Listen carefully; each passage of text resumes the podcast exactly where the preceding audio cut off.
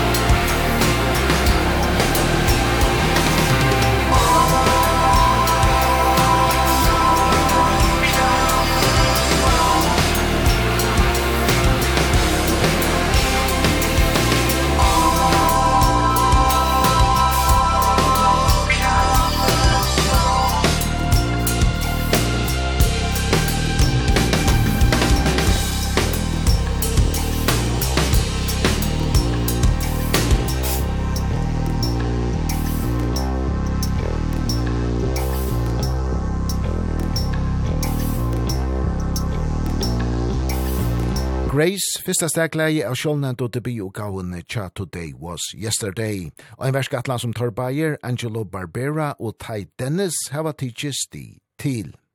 Gitarparten hon tog angen annar enn Alex Liveson, som vi kjenner ur kanadiska bølgen hon Rush Ser Au. Tai Dennis og Liveson hava sannast og ærene spalt saman til fløyre velgjerande tiltøk som Robbie Krieger, gitarløygaren i The Doors, heva tidsis di til. Og ta denne spurte om Leifson hei ho a vera vi a nøkna av sanken on Cha Today Was Yesterday, Berlest og Liot. Through, through all the years I played with Robbie out, out here, he, he was doing these benefit things a lot, a lot. Robbie would do these rock and roll slash golf benefit things. You know, all these musicians that like to golf, like Alice Cooper and Alex and Robbie and all these dudes. So it would be like chair, he would do these, it was pretty much every year, these, uh, St. Jude's, you know, if you're familiar with St. Jude's, that's maybe that's, I don't know if that's a worldwide charity, but it's where the kids, you know, when kids get sick, no, uh, nobody has to pay, right? They, so that's a charity for that. So, which is great. So Robbie would do these events for that and, um, with different guests. And a couple times over the years, Alex was the guest. So that's how I met, I met him. because I was like the house, you know, the house band drummer. So that's how I got to know Alex and we'd play tunes, but some of them were Rush tunes too, which was like a big thrill for me, you know, playing like Free Will and whatever Limelight and all that stuff with him and other guys. That's how I met him and uh so I sort of knew him over the years. And fast forward to 2022 I hadn't seen him um in 4 years. And we hadn't we hadn't done one of those things where he hadn't been there cuz he wasn't always he would just do some of these things when he wanted to come down from Toronto. So I hadn't seen him uh for 4 years and anyways he did one in 2022 and and Angelo and I were already cooking up these tunes at that point. I saw Alex and we like caught up with each other what we were doing and et cetera, et cetera. And I ended up playing him some of the tunes, you know, yeah, he wanted to hear it because we were hanging out. And uh he listened to a couple tunes and he I mean he offered he said, you know, I really like what I'm that's I'm really impressed. I like what you're doing and the mixes are great and if you wanted some guitar, I would be happy to contribute if you want me to. So that's how that happened. And the rest one song became six. Fantastic. By the end of it. Yeah. That's incredible. That I, I yeah, just just that that one song became six. Thinks that we kind of did something good. yeah, he look loves what we're doing and Angelo's tunes and Angelo's bass playing and it's it's a high honor from a guy that's played with you know, Getty Lee and Neil Peart, all those years that he's into what we're doing. It's like, you know, that's, we're, you know, I, that tells you we're doing something right as far as I'm concerned.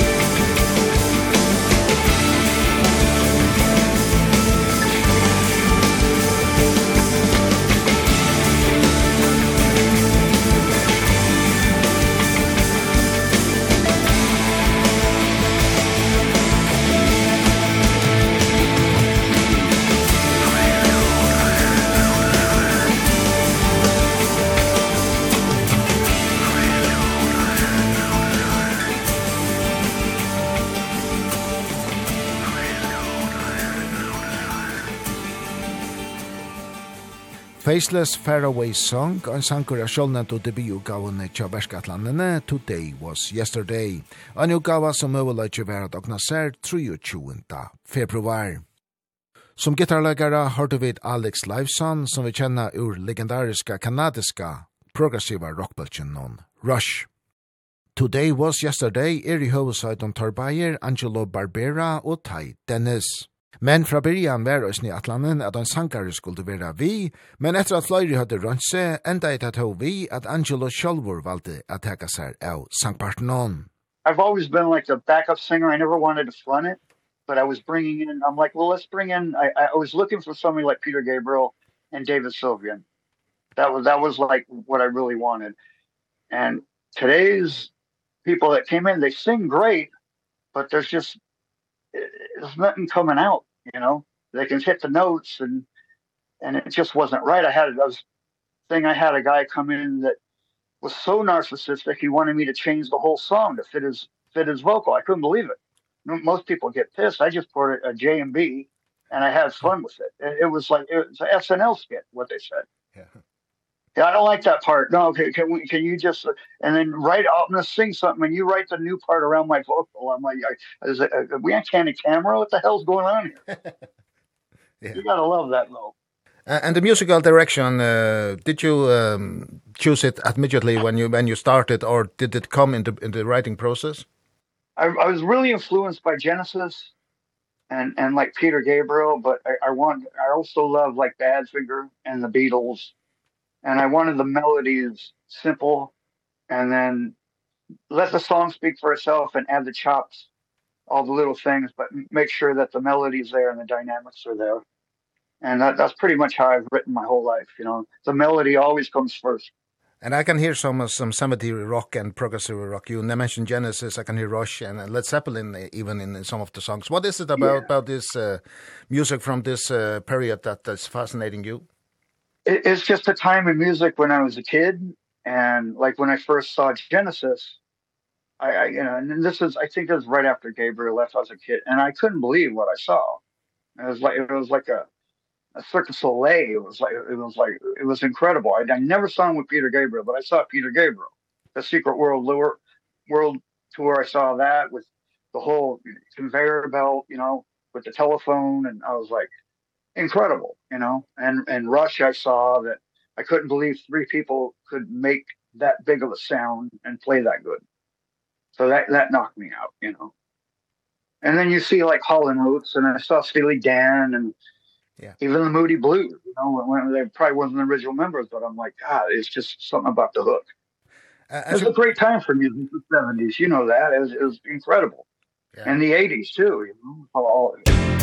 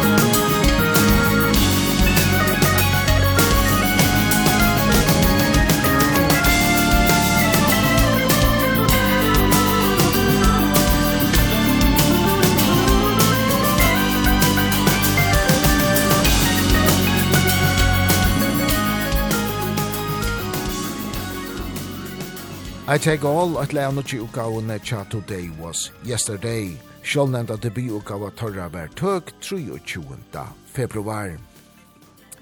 Today Was Yesterday er doa manna vi Taimon Bavon, Angelo Barbera og Tai Dennis. Og te er han 17. Tai Dennis som kom vi navnon til Balchen.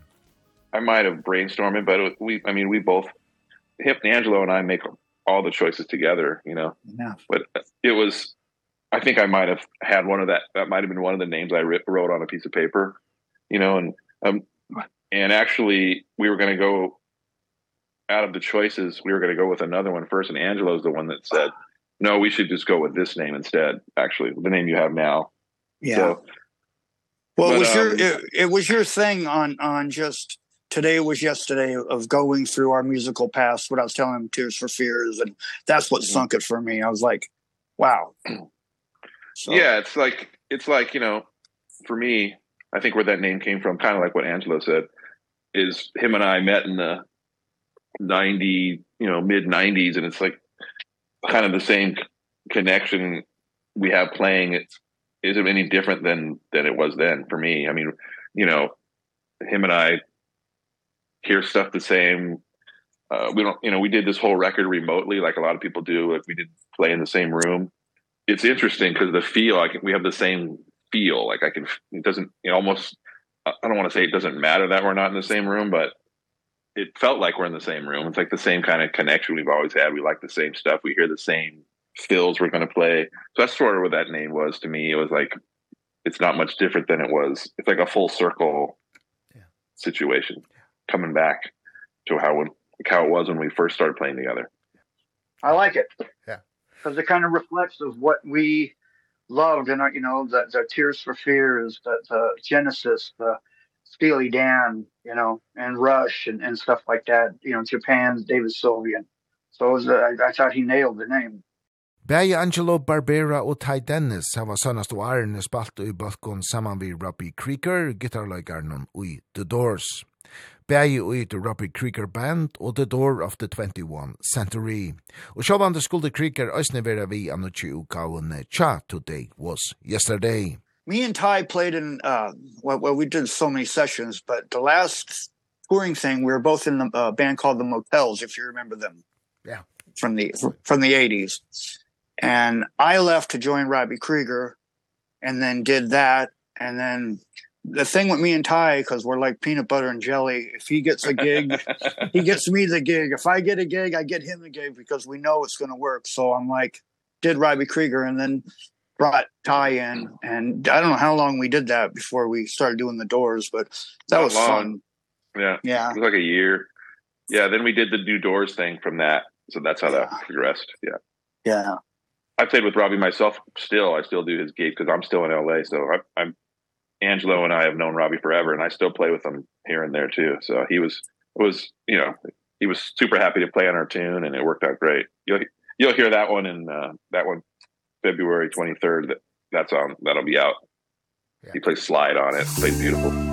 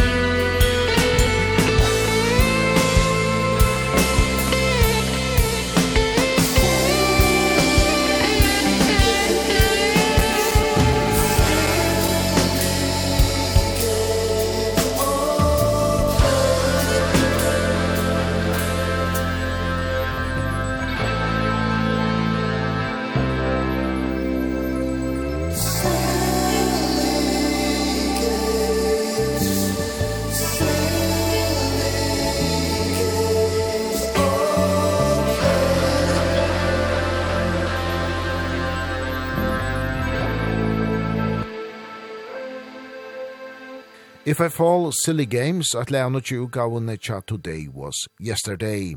Det bi ugava torra ver tøk 23. februar. Gitarløygare a If I Fall Silly Games ver gitarløygaren ui The Doors, Robbie Krieger. Vi tosa ui kvöld vi høvesmennar ui just Today Was Yesterday, Angelo Barbera og Tai Dennis. And Ty, how, how do you yeah. describe Angelo as a musician and, and a person? Oh man, Angelo, uh, Here we go. uh, oh no, man. Angelo's my is my brother. I mean, you know, we've known each other since mid 90s and we've gone through I mean, it's almost like a boot camp or Vietnam or something, you know, or like a or like we're war veterans, all the stuff, all the real like funny stuff that's happened to us and all the experiences we've had and um all that stuff adds up to to what you're hearing on that record really. I mean all the experiences we've had and the connection we have and um so you know Angelo's one of my best friends and also my favorite bass player for sure.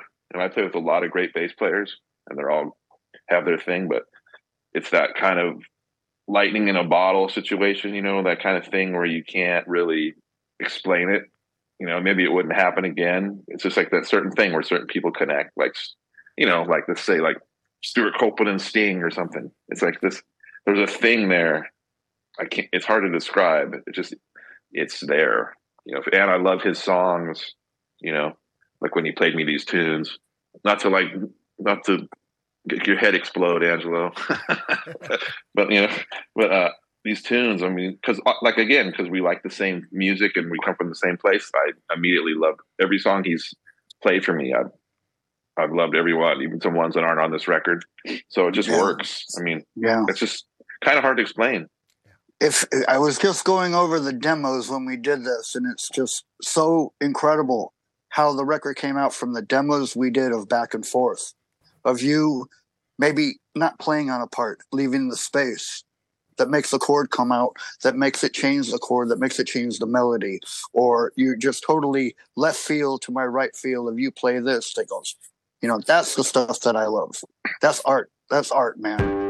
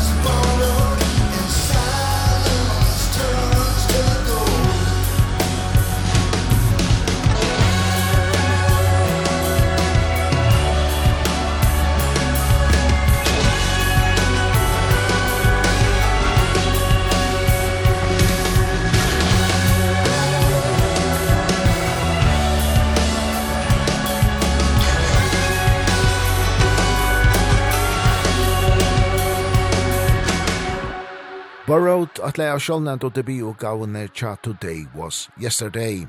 Og en utgava som overløyde bæra dokna sær 23. februar. Det er Angelo Barbera som hever skriva tekstene av utgavne, og i blåsteren fer han imsastane fra. Yeah, I primarily write all the lyrics. The, the lyricists I like were like, I love Sting, of course, Steely Dan, because and and David Sylvian, you know, uh, because they're more you can say a story and be metaphoric and talk if, if you keep it like in a metaphoric vibe rather than dictating sound like a preacher. That's why I hate videos because I love music before videos because you would hear a Zeppelin tune, you know, or a Who song and maybe you wouldn't understand the syllabus and you would think that one word would make the song a different vibe in your mind and now when you see videos it's like okay that's what it is so that's just you know if that answers your question yeah. a little bit but and and, what, I just like metaphorically you know. Yeah are there any any teams you you are uh, writing about or? We're life world world events you know like uh grace was written about the fentanyl, fentanyl epidemic that I experienced and you you see about you know you kind of most people like ignore it and I kind of saw it firsthand and I went this is kind of messed up man. And so that that was uh, kind of what that song's about just like in a metaphoric way you know of just how it's like just taking over your body. And it's a nasty drug and I I just had I wrote something about it. And the other video louder silence is just about narratives It's like you have so many people, so many YouTube channels, so many spewing out their opinions. It's like just seems to be opinionated rather than factual. And if, if you say, well, that's not right, then it's like you get hammered. And that, that's just being brought up by an Italian, big Italian family that, you know, you have your, you wear your heart on your sleeve, I guess.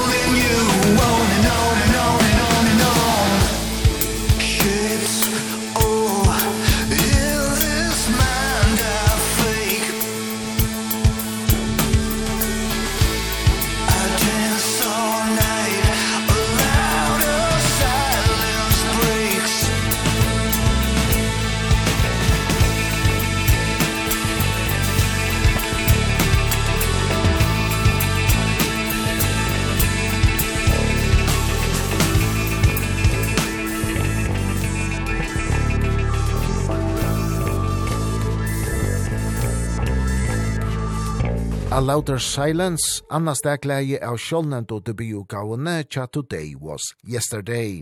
Gitarsjåløyna åtte Alex Liveson ur legendariska kanadiska bølgen Rush. Jester ui Ragnarok i kvöld er Angelo Barbera og Ty Dennis, hosmenner ui just Today Was Yesterday. And, and you two are very two busy musicians uh, who are in many projects. Uh, how high priority do you give Today Was Yesterday? I, it's all I do. I, I, I don't do anything anymore except for this. Because I, I, to be honest with you, when, when I had, during the pandemic, you know, it's like, I, I don't know, it warped my mind. It, it, it was, because we've never been in a situation like that. And it, it really bummed me out. So I said, you know what? And and playing, I was like, you know, getting arthritic at the time at 50 something. I couldn't really do and I'm like, you know, I'm just going to be done with this.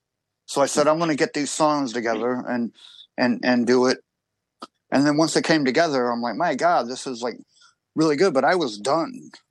After that i didn't tour. I turned down a, a gazillion tours and and i just didn't want to do it. And so i just put main focus on this record. And uh, timing is a, a beautiful thing. It's just the way everything the aura lines up you know Alex playing on it uh Robbie playing on it the manager hearing it getting us a record deal all this interviewing with you. It's like you know sure. I didn't expect any of this. I just expected like make a record and you know put it online. I didn't well expect said. this much I didn't expect this much accolades so it's like that's why I'm such a big fan of aura and timing you know and it's it's weird just how things line up. For me yeah it's a, it's a big priority. I mean you know it's yeah, it's a lot, you know, it's it feels good, but it's, you know, to, to make it to make it get where we want to go, it's, you know, a lot of soul and sweat and um love put into it. So, you know, I'm devoting a lot of time both Angelo and I to this, you know. I still play with other people, pay my car payment and stuff like that, and I love to play. Yeah.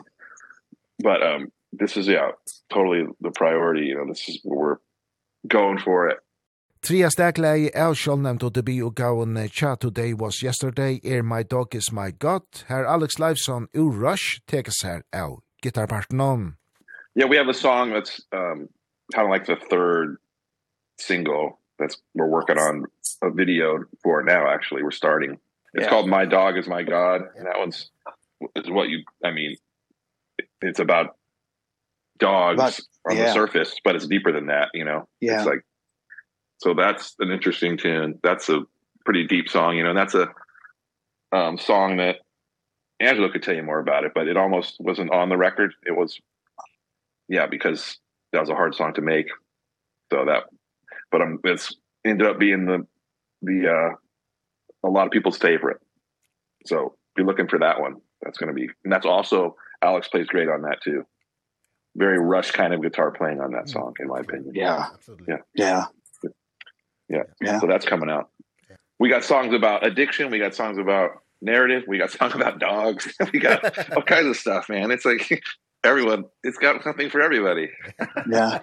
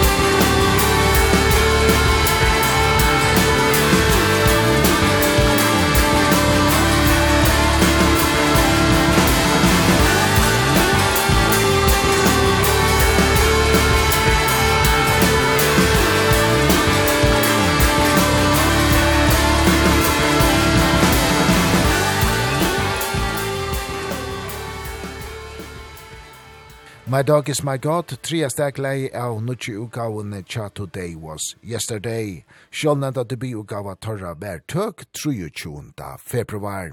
Geta sjåleina 8 Alex Lifeson. Nu er debutgavan Cha Today Was Yesterday tøk, og atlan er òsni a få toneløgjen a paddl eina fyr ui framtøyene. Og som samrøvan okkara mittlen gonkur kjemmer òsni okkurt husgått om gest som skal vera vi a komandi ugavo torra. Now we're planning on doing some shows. We'll see how that, you know, Uh, yeah, we got the the three core members that because we want to do this as a trio was kind of the backing tracks, yeah, Ella, Ella yeah. Rush. So we got those to do it. I've been doing nothing but relearning these songs to play live just cuz it's fun and to get away from, you know, you know, uh, uh, looking at, at video screens of of of editing windows and fader windows cuz it drives me nuts. So I'm like doing that. I think it'll be fun. We'll have to uh work it up to play it live, you know, because obviously yeah. we recorded, we didn't have limitations on all the parts and, you know, like two or three guitar parts. We'll have to figure out how to work, make it work live when, when we get to that point soon. Yeah. As a trio, you know, but everyone does it. Rush did it. Yeah. It can be done. And maybe another album with uh, some other guest musicians, some, some, uh, maybe European, European musicians next time. I, I, I, I got to tell you a story with Ty and you guys. I yeah. just got an email, I, I mean a text from Instagram from Steve Hackett from Genesis. Really? The real the okay. first guitar player. Yeah. Oh shit. Hmm. So he he loved louder silence. He heard it. Wow. Yeah, so huh. he's he's the next one I want on the record. hey dude, send that send send it to me. I want to see what he said, man. Yeah, yeah. yeah. Screenshot that shit. Yeah. Yeah. yeah so awesome. yeah, he, he he'll be my number one call. I love Alex, but Steve Hackett's been like one of my favorite guitar play probably one of the best 12 string guitar players ever. Absolutely. And just I mean like listen to Trick of the Tail, you know, I mean it's just oh, yeah. my god. It's like that's how if yeah. you if you if you're you, uh the last song My New Low was is kind of Steve Hackett type of thing, Interesting. you know. Oh, cool. Cool. That's amazing, man. That you heard that shit. Yeah. yeah. So yeah. Yeah. So that's that's yeah. my next call. that's great, man. That's great. I want Steve Hackett. yeah. And if I can't, yeah, I'll get Buddy Hackett. yeah. oh my god.